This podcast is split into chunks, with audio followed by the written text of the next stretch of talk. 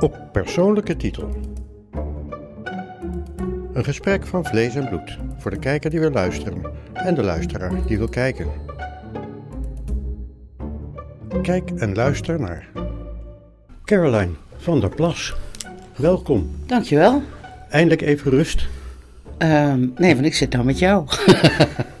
nee hoor, dit is heel lekker. Even een gesprekje zo. Ja. Ja, eh, want eh, daar zul je er veel van moeten voeren. Ja. Gesprekken. Eh, komt er nog wel eens iets van slapen? Eh, ja, bij tijd en wijle. Dan zorg ik wel dat ik even bijslaap. Wat is de vrije tijd? Ehm, nou, bijna niet eigenlijk. Nee, als ik in bed lig. dus in het weekend probeer ik natuurlijk wel wat eh, te doen met mijn moeder of met mijn kinderen. Maar goed, dat lukt ook niet altijd. Maar ik doe wel mijn best voor om dat zoveel mogelijk te doen. Dus sinds die enorme overwinning met die roes, eh, ja, ineens eh, een klap, heel Nederland veroverd en geen rust meer. Nee. Nee, na de overwinning op 15 maart, dan kreeg je natuurlijk alles wat in de provincies eh, ging gebeuren. Nieuwe statenleden, de formatie van de colleges van gedeputeerde staten, de Eerste Kamer. eh, mensen, nou, en toen we eindelijk dachten van nou, half juni, hè, alles zit en staat en alles gaat eh, eh, goed. Toen viel het kabinet en toen kwam je in de volgende achtbaan terecht. Dat bedoel ik. Ja, Dus eh, een Caroline van der Plas is overal te vinden. ja. Je komt er overal tegen, zelfs ik. Ja, ja, zeker. We kwamen elkaar tegen. Eh 75 jaar Israël bij Ja. de eh, in Madurodam eh, klopt. ja.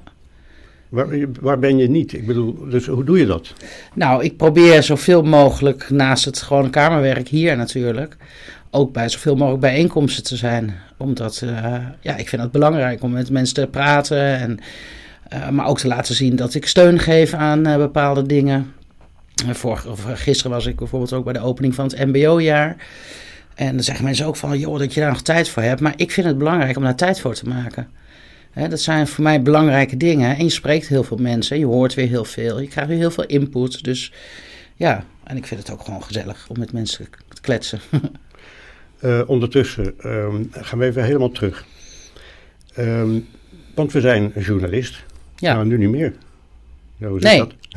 ik niet meer, nee. Nee. Eh, eh, er zijn meer Kamerleden, journalisten geweest, Ja. ex-journalist. Ehm, hoe belandde je in die journalistiek eigenlijk? Ja, via mijn vader eigenlijk. Want mijn vader was ehm, journalist, sportjournalist. Ja. Bij het Deventer Dagblad. En ehm, ja, als klein meisje ging ik eigenlijk altijd met hem mee naar sportwedstrijden en zo. En ik vond het gewoon machtig mooi wat, wat hij deed. En dan mocht ik mee naar de redactie. En dan, Welke sport was dat? Eh, veel, hij deed veel voetbal, amateurvoetbal volgde hij veel in eh Deventer, maar ook eh Go Ahead Eagles natuurlijk. Maar we gingen ook wel eens mee naar een WK motocross ergens in Oostenrijk, of dan nam het gezin ook eh, mee.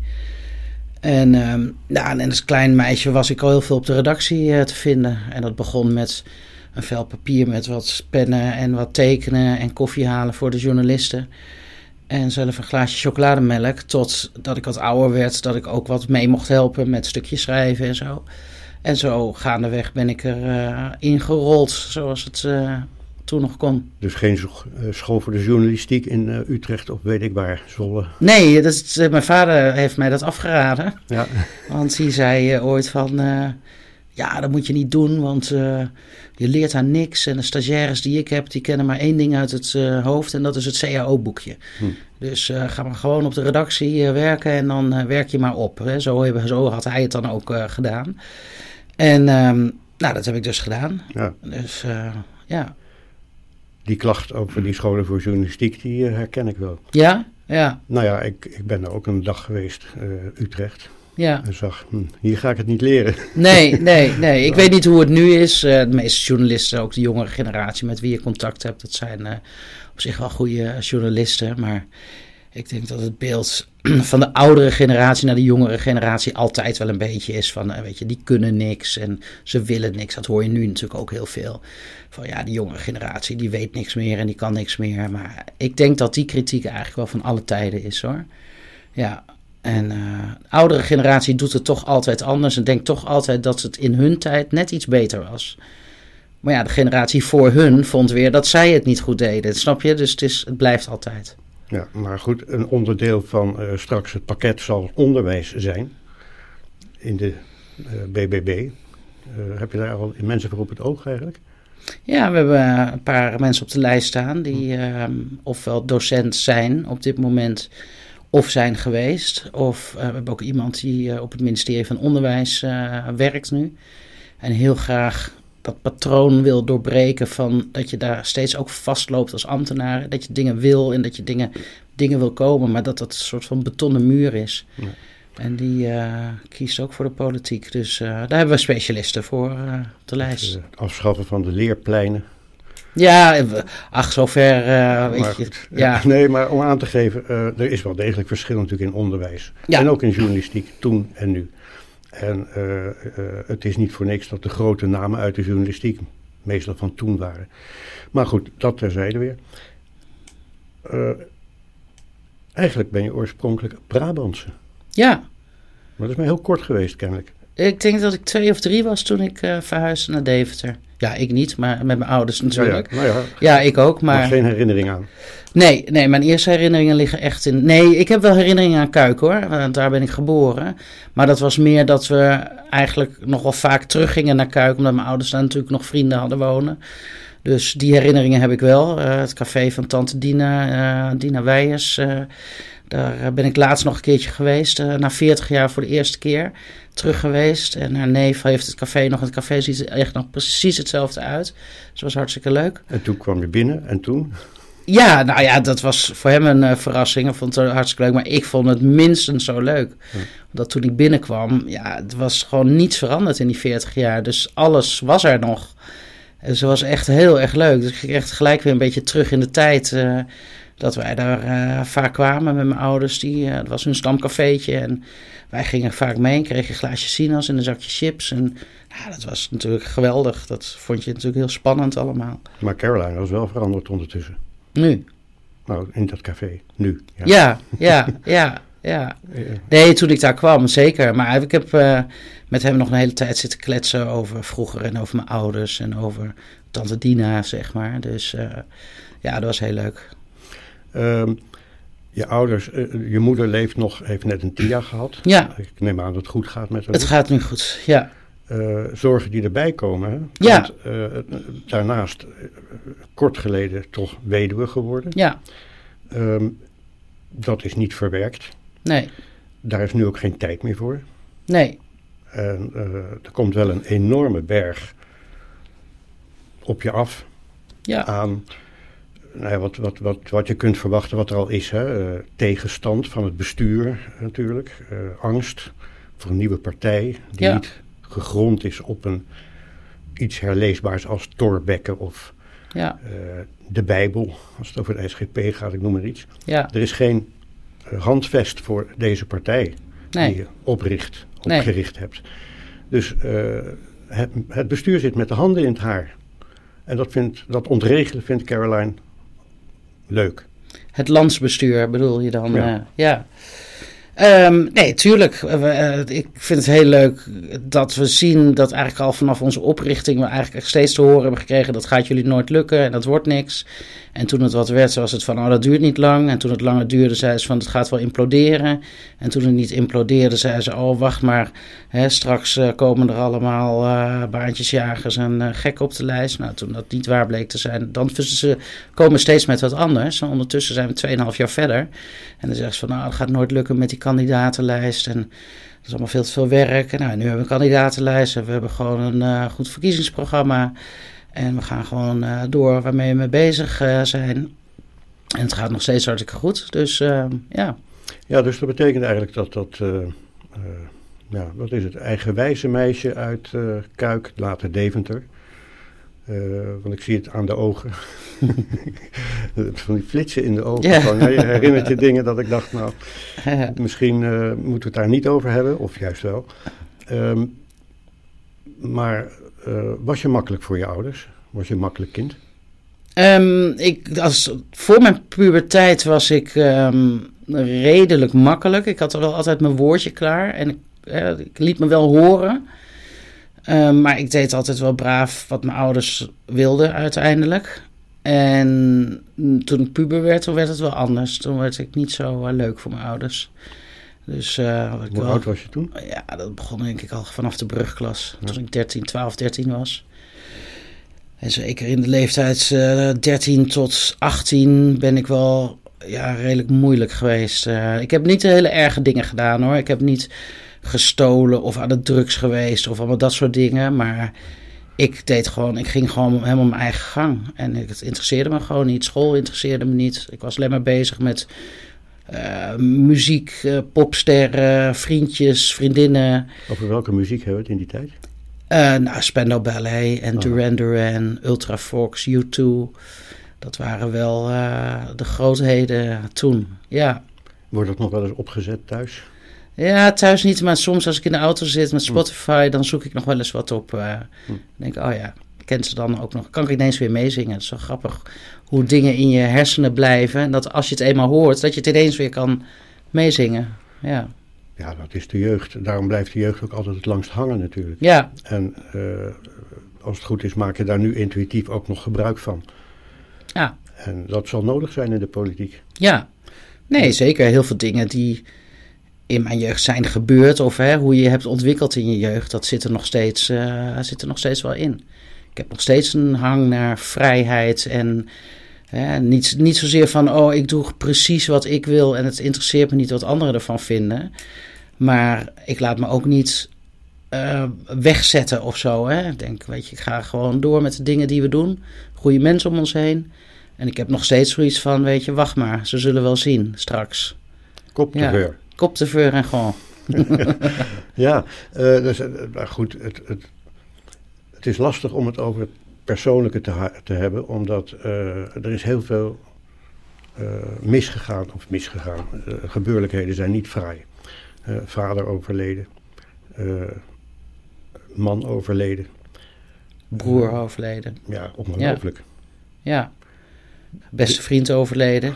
Allemaal echt in een paar jaar tijd. Ja wat, wat, en toch komt daar dan bijvoorbeeld iets op van ik ga iets, uh, een partij oprichten. Want het moet nu maar eens klaar zijn met die uh, scheidslijn tussen platteland en uh, ja. de stad. Ja, dat, ik was er al mee bezig. Maar in de periode voordat ik in de Kamer kwam overleden zij. Mijn vader wel wat eerder hoor. Die is al in 2014 overleden. Dus die heeft dit verder helemaal niet meegemaakt. Maar mijn broer en mijn man en mijn vriend Henk, die, die wisten dat wel. En uh, die vonden het ook allemaal prachtig. En die zeiden van oké, gaan. En ook eigenlijk wel een beetje in hun geest ben ik ook wel doorgegaan. Hè? Alsof ze er nog waren. Van weet je, het is alleen jammer dat ze nooit echt het resultaat hebben gezien. Maar um, ze stonden er helemaal achter en ze vonden het fantastisch uh, wat ik deed. En uh, die hadden echt zoiets van, nou kom op, die zetel die ga je zeker halen. Dus ja. Maar die, hoe is dat in, dat in het gezin beleefd allemaal? Want uh, ineens sta je er alleen voor. Ja. Um, ja, dan moet je gaan nadenken, wat wil ik nu verder? Ja. En, nou ja, dat is heel dubbel natuurlijk. Want in je persoonlijke leven, even los van het oprichten van de partij en het opbouwen, uh, heb je natuurlijk wel gewoon te maken met een heel groot uh, gemis dus, uh, maar ook de periode dat Jan uh, ziek was, is gewoon, uh, gewoon heel heftig geweest. Is hij lang ziek werd geweest? Nee, negen weken maar. Dus hij ging echt van grote, fitte, sterke man naar ja, overlijden. In een hels proces, kan ik je vertellen. ja, weet je, dat heeft wel heel veel impact gehad op mij hoor. Dat ik echt ja, met name zijn ziekte. Kijk, het overlijden op een gegeven moment dan, je weet het gewoon, je krijgt de diagnose en je weet hij gaat dood. Dat is natuurlijk verschrikkelijk heftig om daarmee om te gaan. Maar als je dan ziet dat iemand ook nog door een hel van pijn en lijden heen moet gaan, dat is, dat is nog veel erger. Dat is iets waar ik nog niet, dat heb ik nog niet kunnen zetten, zeg maar. Daar denk ik nog heel vaak aan terug. Dat je dat hebt willen wegnemen of anders. Dat, dat zou niet hebben moeten mogen dat het zo ging. En dat vind, ik, dat vind ik eigenlijk nog steeds het ergste. Van het feit dat hij is overleden. Dat het op deze manier is gegaan. Is Ja. er toch een soort van eh, eh, goed afscheid geweest? Want je hebt wel de mogelijkheid. Ja, zeker. Het is toch ja. anders als iemand ineens uit het leven gaat. 100 procent. kijk, het is ook het is overal, ja, is wat voor te zeggen. Doodgaan is natuurlijk altijd verschrikkelijk. Als, als iemand gewoon een hartaanval krijgt en doodgaat, dan heeft die persoon niet geleden. Maar je hebt ook geen tijd om nog dingen tegen elkaar te zeggen. En dat hebben wij wel. De, de, hij is op een zaterdag overleden. Zaterdagochtend vroeg. En op donderdag daarvoor had hij nog wel een heldere dag. Eh, en daar hebben we eigenlijk nog wel heel veel dingen kunnen bespreken. En een soort van afscheid kunnen nemen in de zin van, nou ja, eigenlijk alles uitgesproken wat we nog wilden uitspreken. Ehm, dus dat is een, dat is een voordeel. Hè? Het, het, ja, het klinkt heel raar voordeel, maar goed, mensen snappen wel Ja. wat ik bedoel. En eh, het voordeel van iemand die dan plotseling overlijdt, is dat hij geen leidersweg heeft gehad. Maar ik zeg heel vaak tegen mensen, en toevallig gisteren ook nog tegen iemand, echt koester werkelijk elk moment dat je met elkaar hebt. En praat dingen uit, want het kan gewoon ineens afgelopen zijn. En eh, ga nooit weg zonder een zoen, ga nooit weg met ruzie. Zorg dat je aan het einde van de dag alles weer hebt opgelost. Eh, praat met elkaar, want als het weg is, komt het nooit meer terug. En dat realiseer ik mezelf heel vaak. Ik denk, het komt nooit meer, het komt nooit meer terug. Er is geen enkele manier waarop ons leven of onze gesprekken samen weer terugkomen. Dus iedereen hè, die nog een partner heeft, of nou, gewoon in het algemeen, denkt eraan, als het er niet meer is, is het er niet meer. En dat Daarom- realiseren mensen zich niet goed genoeg. Nee, kan ook niet. Nee, En je ziet zelf nu waarom. Want, Ja. eh, je hebt er zelf ook geen tijd voor haast. nee, nee, Dus het moet- klopt. In kleine flartjes Ja, bij het opstaan, het naar het bed gaan, ja, moet het weer terug. Eh, en het is wel van belang. Ja, nee, maar ik, ik ben wel heel bewust zorgzaam naar mijn familie. Hè, eh, nu, hè, mijn directe familie. Mijn zoons, eh, mijn moeder, mijn broer die nog eh, leeft, mijn oudste broer. Ehm, dat ik, ik realiseer me heel goed dat het leven gewoon echt een, ineens een verschrikkelijke wending kan nemen. En hoewel ik weinig tijd heb, is de tijd die ik besteed wel op hun gericht. Hè? Ook, op vrienden en vriendinnen. Maar zeker aan mijn eigen gezin is daar wel op gericht. Dat, hè, dat, ik vind het wel belangrijk dat je daar gewoon goed aandacht aan besteedt. En eh, andersom zeggen zij van eh, mama, vriendin, eh, kind, let jij ook een beetje op jezelf? Ja, zij zijn bang. Ja, zij zijn bang voor mij. Zij zijn bang dat ik of ziek word, of ehm, nou ja, in een burn-out raak, of dat mij iets overkomt hè, door iemand anders. Dat is tegenwoordig ook een ding, ja. Ja, nee, zeker. Ja, en bang, ik moet zeggen, ze zitten niet eh, te Nee, bibberen als een rietje op de, op de bank. Maar zij zijn daar wel heel bewust mee bezig. Ze zeggen het ook. Overigens, heel veel mensen om me heen zeggen het. Van, "Oh, alsjeblieft, pas goed op jezelf, pas goed op jezelf.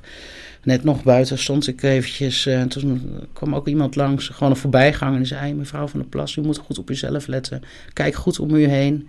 En dat vind ik wel heel lief. Ik denk van, heel veel mensen zijn heel erg begaan met je.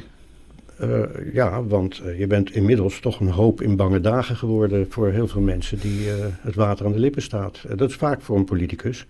Ja, Ehm, maar daarom is het inderdaad van heel groot belang dat je sterk in je schoenen staat, weet Ja. waar het over gaat. ja. En bagage is ook heel belangrijk.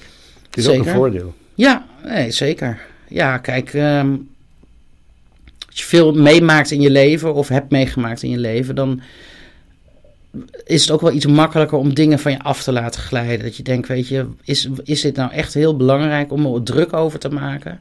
En heel vaak denk ik, nee, dat is echt totaal niet belangrijk, weet je. Mensen over mij zeggen, laat ze lekker eh, roepen. Ik heb eh, andere dingen te doen. Ehm, dus ja, dat is zeker, eh, zeker wel belangrijk dat je... Maar dat was vroeger al, denk ik, als kind. Ik heb me nooit zo heel veel aangetrokken van wat de omgeving van mij vond. Mijn ouders waren er wel wat meer mee bezig vroeger. Want ja, mijn vader was journalist, was een bekend eh, iemand in Deventer. Mijn moeder was raadslid wethouder. Hè. Mensen, heel veel mensen kenden haar het ook. CDA. Het CDA, ja.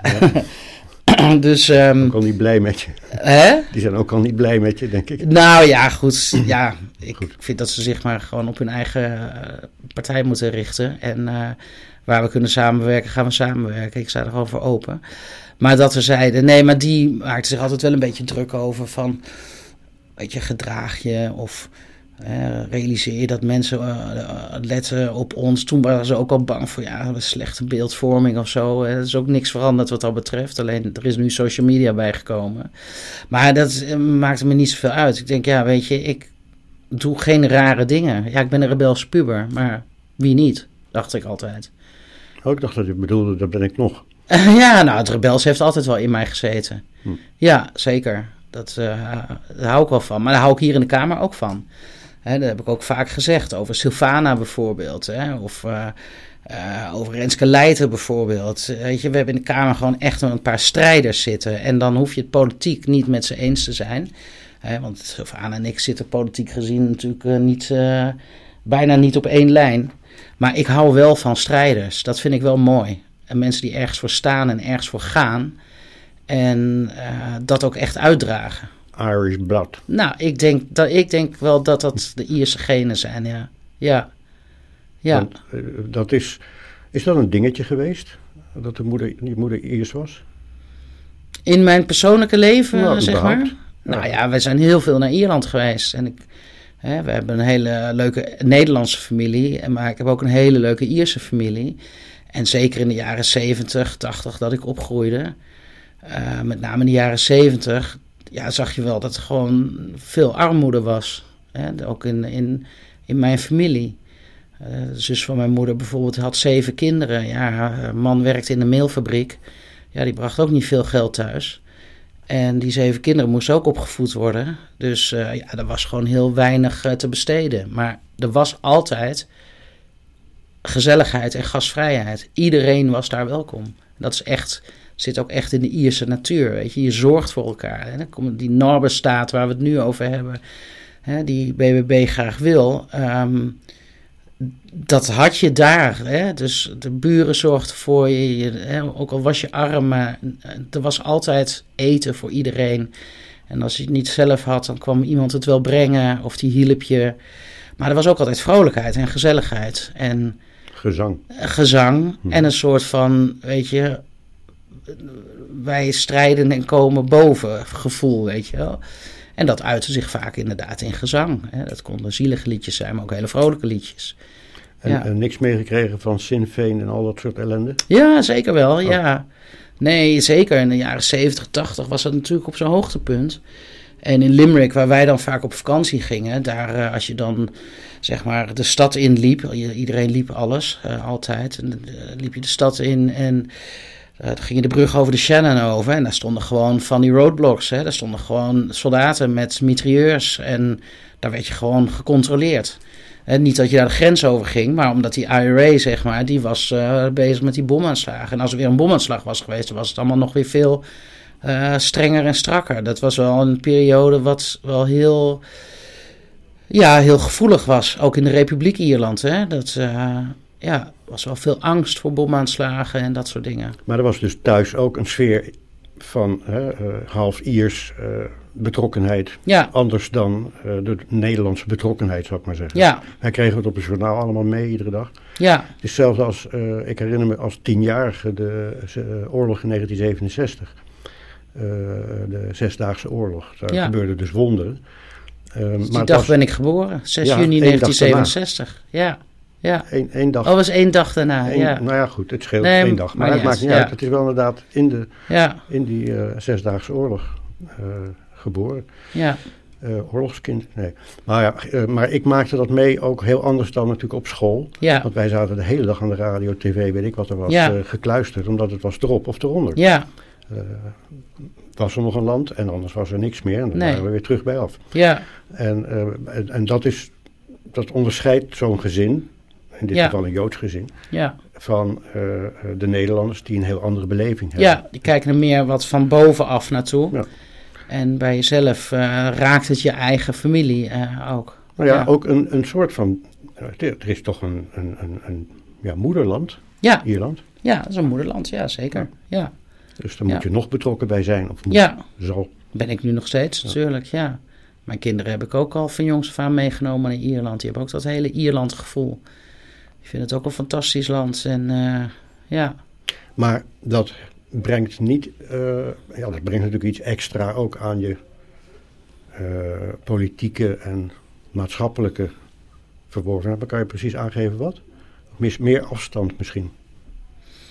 Um, het Ierse gevoel. Of nou, is het juist meer, is het Ierse nou heel een, een, een, gevecht, meer een, een, een knokkende, hè, de Ieren knokken nog. Ja. Uh, en de Nederlanders zijn wat gelatener. Tenzij ja. je bij de boeren komt, maar dat is een ander verhaal. Ja, nee, maar dat is ook waarom ik denk ik zo van strijders hou. Hm. Omdat dat, uh, weet je, een land heeft strijders nodig. In de zin van mensen die echt ergens voor staan en ergens voor willen vechten in de figuurlijke zin. Hè? Want anders krijg je weer dat ja. Mensen denken dat ik oproep tot de revolutie. Helemaal niet, integendeel.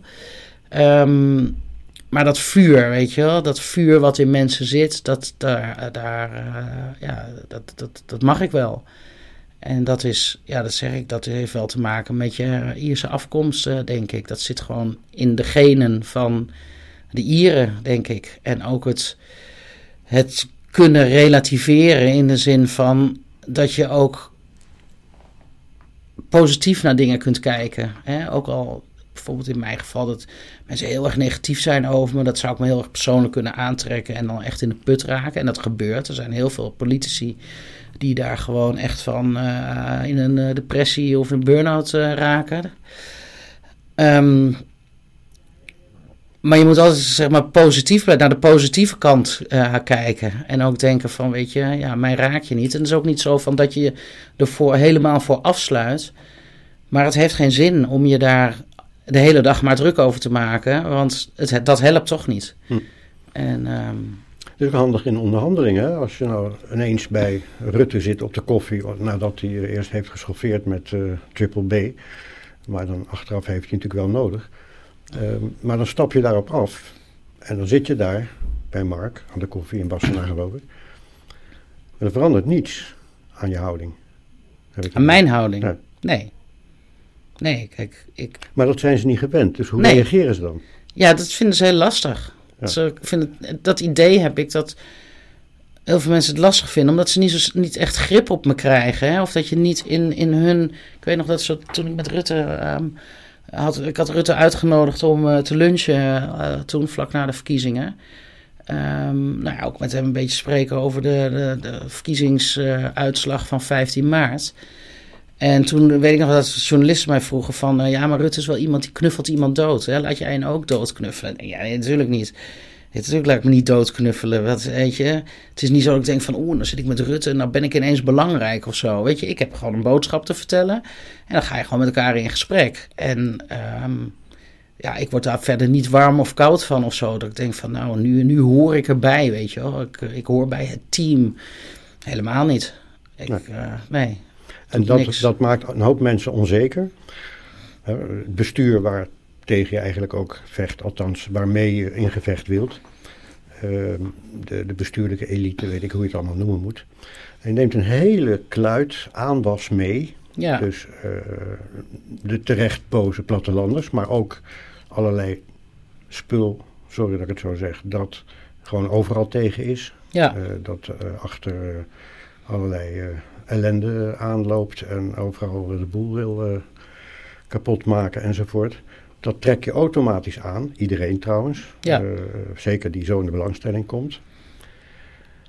En dat is toch wel een zware belasting. Ja, maar kijk, ik uh, sta waarvoor wij staan. wij staan niet voor mensen die met geweld een einde aan de democratie willen maken. Wij staan ook niet voor het feit dat de elite de grote slechterikken zijn en Hè, dat, uh, dat het volk in opstand moet komen. Uh, maar wij, zijn, wij vinden wel dat de overheid een andere houding moet aannemen richting burgers. Kijk, en, en die mensen hè, waar je het over hebt. Ja, daarvan heb ik ook wel eens gedacht. Hoe komt het nou dat mensen zo ver geraken? Hè? Dat, dat heeft een oorzaak. En dat zijn mensen die vaak gewoon daarvoor redelijk dachten, hè, kritisch waren, maar wel redelijke gedachten hadden. En die zijn eigenlijk door de overheid als, als een soort van outcast uh, beschouwd. Weet je, dat waren wappies en uh, dan moet je niet, meer praten. Wat een onzin. En, uh, en dan denk ik, dan, als je mensen van je afsluit, gaan mensen zich begeven in hun eigen groepen. Hè, want die vinden zich niet meer gehoord. En in die eigen groepen ontstaat een echokamer van mensen die dat allemaal ook vinden. En ze worden constant bevestigd in hun eigen gelijk. Ja, en dan zie je dat ze, en dan komen ze in Telegram groep en dan wordt er van alles geplaatst, in, hè, wat mensen weer angst aanjaagt. Hè, dat we over tien jaar soort van gestuurd worden door de overheid en dat we aan touwtjes hangen, dat we niks meer mogen.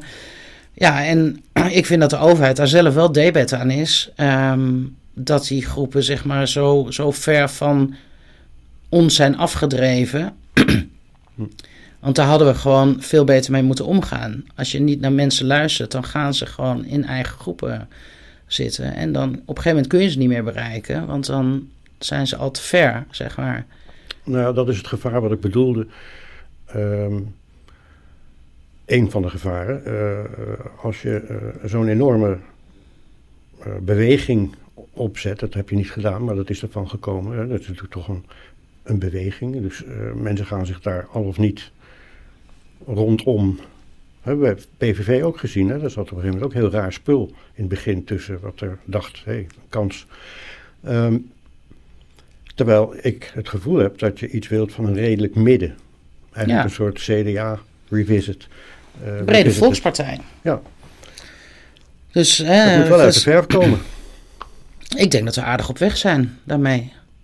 Ik hoor nu ineens, alle partijen zijn nu ineens van het midden. Ik hoorde zelfs Frans Timmerman zeggen dat hij een middenpartij uh, was. Of dat, het, hè, dat we een brede middengroep uh, moesten hebben. Iedereen heeft het ineens over de regio die zo belangrijk is. Hm. Hè, dus ze kijken wel naar ons van... hé, hey, wij hebben denk ik toch een gevoelige snaar geraakt. Hè, ook in de samenleving. En uh, de meeste mensen die op ons stemmen, die achter ons staan... dat zijn gewoon redelijke mensen met gewone banen en gewone gezinnen... nou, er moet een, een, een algemeen. Ja, sorry. Nee, ik had je wat in moeten schenken. Nee, maakt niet uit. Maar nu was ik te laat. Een beetje droge lucht hier in de kamer. Dat is uh, de nieuwe kamer. Welkom, nog een jaar of tien. Ja, ik weet het. Maar. um, ja, er, er, moet een soort uh, middenweg gevonden worden in dat alles. Dat is ook waar natuurlijk. Er moet een soort, hè, want die, die bestuurlijkheid is natuurlijk wel geletterd. Heeft natuurlijk wel wetskennis. Hè. We kennen van de Stein missen we dadelijk. Ja. Maar dat, die rechtsstatelijkheid is van belang. Ja. Dat is een beetje doorgeschoven, omdat iedereen wil van een ander, uh, die wil een ander besturen en die wil uh, dat het gebeurt zoals hij het wil en de ander maakt niet uit. Dat is gewoon erin geslopen. Um, en dat moet terug. Hoe ga je dat terugbrengen dan? Uh, hoe wil je dat? Uh, gewoon door botweg te blijven zeggen, maar dit is echt onzin. nou ja, terugbrengen door het beleid anders te maken natuurlijk. Kijk, alles begint ermee dat je dingen aan de orde stelt. Hè? Dat je dingen aan de kaak stelt. Dat we aangeven van, hé, hey, er gaat iets mis bij deze... Maar dat is ook een cultureel probleem. Dat bedoel ik. ik Hoe bedoel, bedoel je? Nou, uh, wij stadsmensen, ik ben dan niet in de stad opgegroeid en ik leef wel in de stad, maar als een kleine uh, pluimveehouder, maar goed, dat terzijde. Uh, de stadsmensen weten niets van dieren, niets van natuur. Nee. Uh, ik krijg mensen langs die zeggen: Oh, leggen die kippen ook eieren? Kunnen ze vliegen dan? Ja. en wat is dat nou? Ja. ja. Dus die, en, terwijl ik achterna gezeten ben in de maisvelden met een uh, uh, hagelgeweer. Ja. Zo ging dat in Drenthe Overijssel vroeger. Um, dus er is gewoon een enorme discrepantie. Ja. Nou, kijk, als je zegt van, hè, wat meten mensen nog over de herkomst van voedsel bijvoorbeeld. Als ze een kip een ei zien leggen, dat ze dan helemaal verbaasd zijn dat ze waarschijnlijk dan ook nog niet weten wat ze daarmee moeten doen. Of dat dat niet eerst naar een fabriek moet om bewerkt te worden totdat je het ei kan eten. Uh, ja, dat is wel zorgelijk natuurlijk. Um, maar ik, ik vind zelf niet dat er echt tussen stad en platteland een kloof is. Ik vind dat er een kloof is tussen overheid en burger. Want ook in de gewone wijken in Rotterdam, in Amsterdam Noord bijvoorbeeld, in Utrecht. Dat zijn ook mensen, hè, die, zoals mensen die op platteland wonen, die eigenlijk helemaal niet zoveel vragen van de overheid.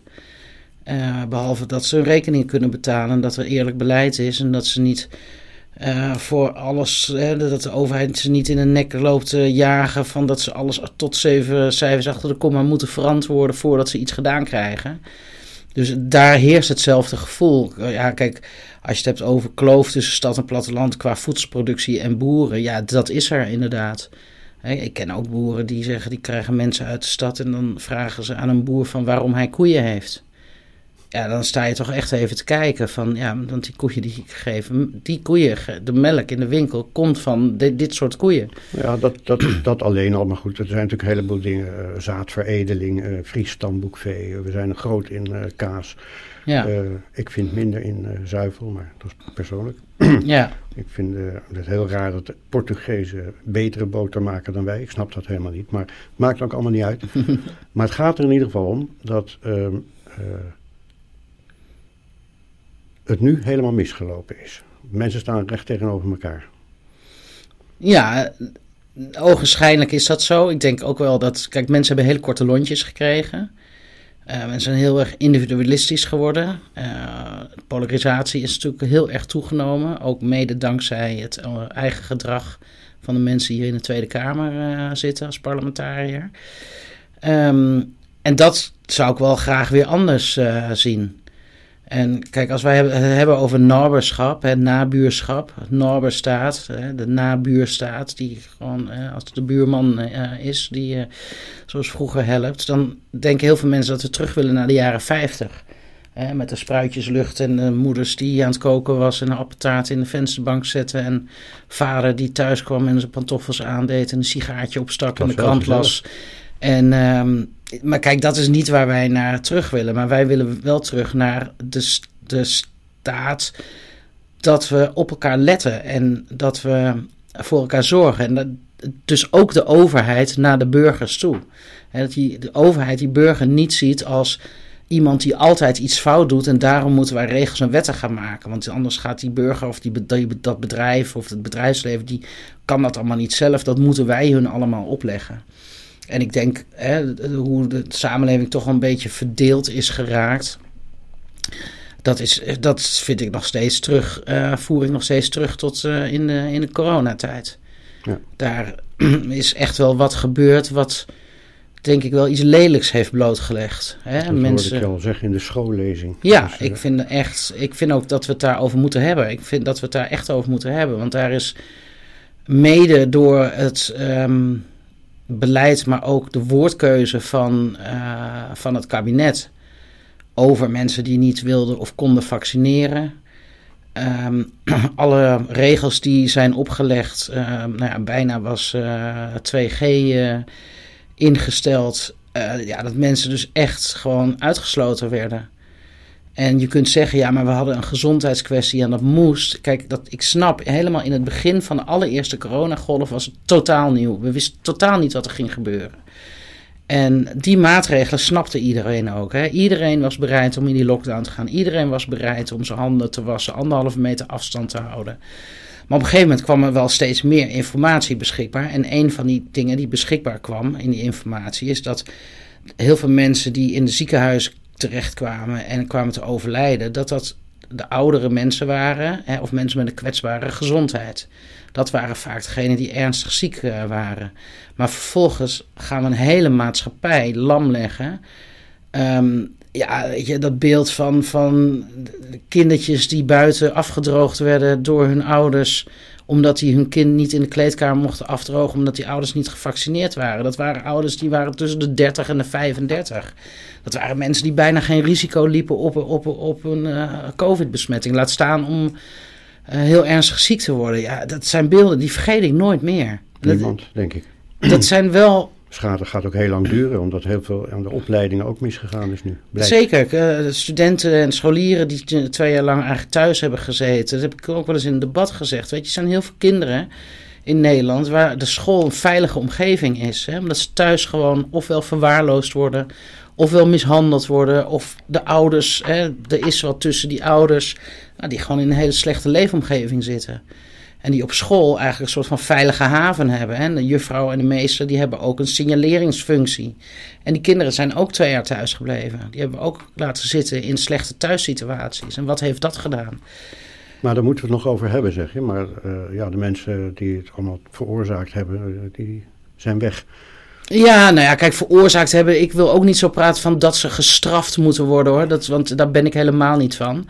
En ook dat is een Forum voor Democratie met ja, er komen tribunalen, weet je. Laten we daar ook gewoon eens allemaal even mee ophouden. En, maar laten we het er wel over hebben. Hoe is dit gegaan? En hoe willen we dit de volgende keer? Met alles wat we hier nu uit geleerd hebben. Hm. Hoe gaan we dat dan de volgende keer uh, aanpakken? En nou ja, er komt natuurlijk wel hoop ik nog een parlementaire enquête eh, over corona. Dat zal na de verkiezingen kan die commissie gewoon wat mij betreft worden ingesteld. En alles moet dan op tafel. Hè? Uh, het is niet alleen uh, alles wat de overheid fout heeft gedaan, maar hè, ook maatschappelijk en uh, je ook de organ maatschappelijke organisaties en ook de medische wereld. We moeten evalueren. We moeten echt evalueren. En ja. we moeten ook durven toegeven dat we aan overheidkant misschien de zaak ook soms wel een beetje op de spits hebben gedreven. Hè? Dat, dat, dat het de pandemie van de ongevaccineerden wordt genoemd. Dat is gewoon een hele ernstige uitspraak, vind ik. En niet een ernstige uitspraak waar je door gestraft moet worden, maar wel dat je zegt van ja, moet je dat als overheid wel doen? Want er zijn heel veel mensen, waren heel veel mensen gewoon bang hè, voor vaccinaties, gewoon angst. Van ja, maar wat doet het dan in mijn lichaam? En er waren geen mensen die zeiden. Uh, natuurlijk zijn die er ook geweest. Maar heel veel mensen waren gewoon uit angst. wilden ze zich niet laten vaccineren. En heel veel mensen zeiden van ik ben niet gevaccineerd. Maar ik let gewoon heel goed op. Weet je, ik hou gewoon mijn anderhalve meter uh, afstand. Hè, als ik me niet lekker voel, ga ik niet naar het café. Ja, en toch worden die mensen in een soort van hoek gedrukt. en ja, ik, ik, ik vind dat voor een land als Nederland heb ik me daar, ja, ben ik daar wel van geschrokken. En ook hoe snel iedereen, of nou iedereen, maar heel veel mensen gingen daar toch ook wel in mee. ik heb in mijn omgeving ook mensen gehad die zeiden van, ja, als iemand uh, niet gevaccineerd is, komt hij er bij mij niet meer in. Ik denk van, ja, maar er zijn mensen die zijn vrienden van je, ja, al jaren. Hm. Wat is dit? Ja, dat is, ik vind het zo bizar. Uh, en dat ten slotte, uh, of tenslotte, heeft ook te maken met de gezondheid van geest en lichaam. Waar ik nog steeds niet een antwoord op heb gehad. Hoe je dat gaat bereiken. Dus ik heb het niet over de beveiliging. Maar hoe ga je deze hectiek dadelijk in? Want je rolt nu in een, uh, een, een straks een formatieproces. Uh, de campagne nu. Geen reces geweest. het gaat maar door. Ja. En die angst bij de familie is er nog steeds. Wat ga je eraan doen? Uh, proberen genoeg rust te nemen en genoeg te slapen. Slapen is echt super belangrijk. Slapen is het allerbelangrijkste. Het is een heerlijke hobby. Ja, nee, maar het is echt, het is, dat, dat lees je ook in ja, medische onderzoeken. Slapen is gewoon, dan eh, herstelt je lichaam eigenlijk, weet je. Dat is het allerbelangrijkste. En ik moet gewoon zo, ik kan niet garanderen dat ik elke nacht acht uur slaap, absoluut niet. Maar ik kan wel garanderen dat ik mijn slaap inhaal en dat ik ook wat terughoudender wordt in overal maar afspraken maken. Want dat wil ik heel graag. Maar kijk, heel veel mensen zeggen tegen mij van... Caroline, pak je rust, pak je rust, pak je rust. Maar diezelfde mensen zeggen van... Kom hier, kom daar. Heb je tijd voor mij? denk ja, pak je rust, pak je rust. Maar iedereen denkt dan van... Ja, maar als, bij mij mag je dan wel komen, weet je. Maar al die anderen moet je afzeggen. Maar dat denkt iedereen. Dus nog uh, twee uur, nou tweeënhalf uur tot de stemmingen. Ja. Ik laat je nu met rust. Oké. Ik ben er heel blij mee dat je hier was. Dankjewel, en ik ook. Bedankt voor de openlijke, uh, ja. het open gesprek en de fijne warmte. Dankjewel. Heel leuk. Succes met je podcast. U heeft geluisterd naar Op Persoonlijke Titel. Samenstelling Ernst Lissauer. Vormgeving, branding en online productie Carlos Jurissen. Zakelijk advies Jan Riemens.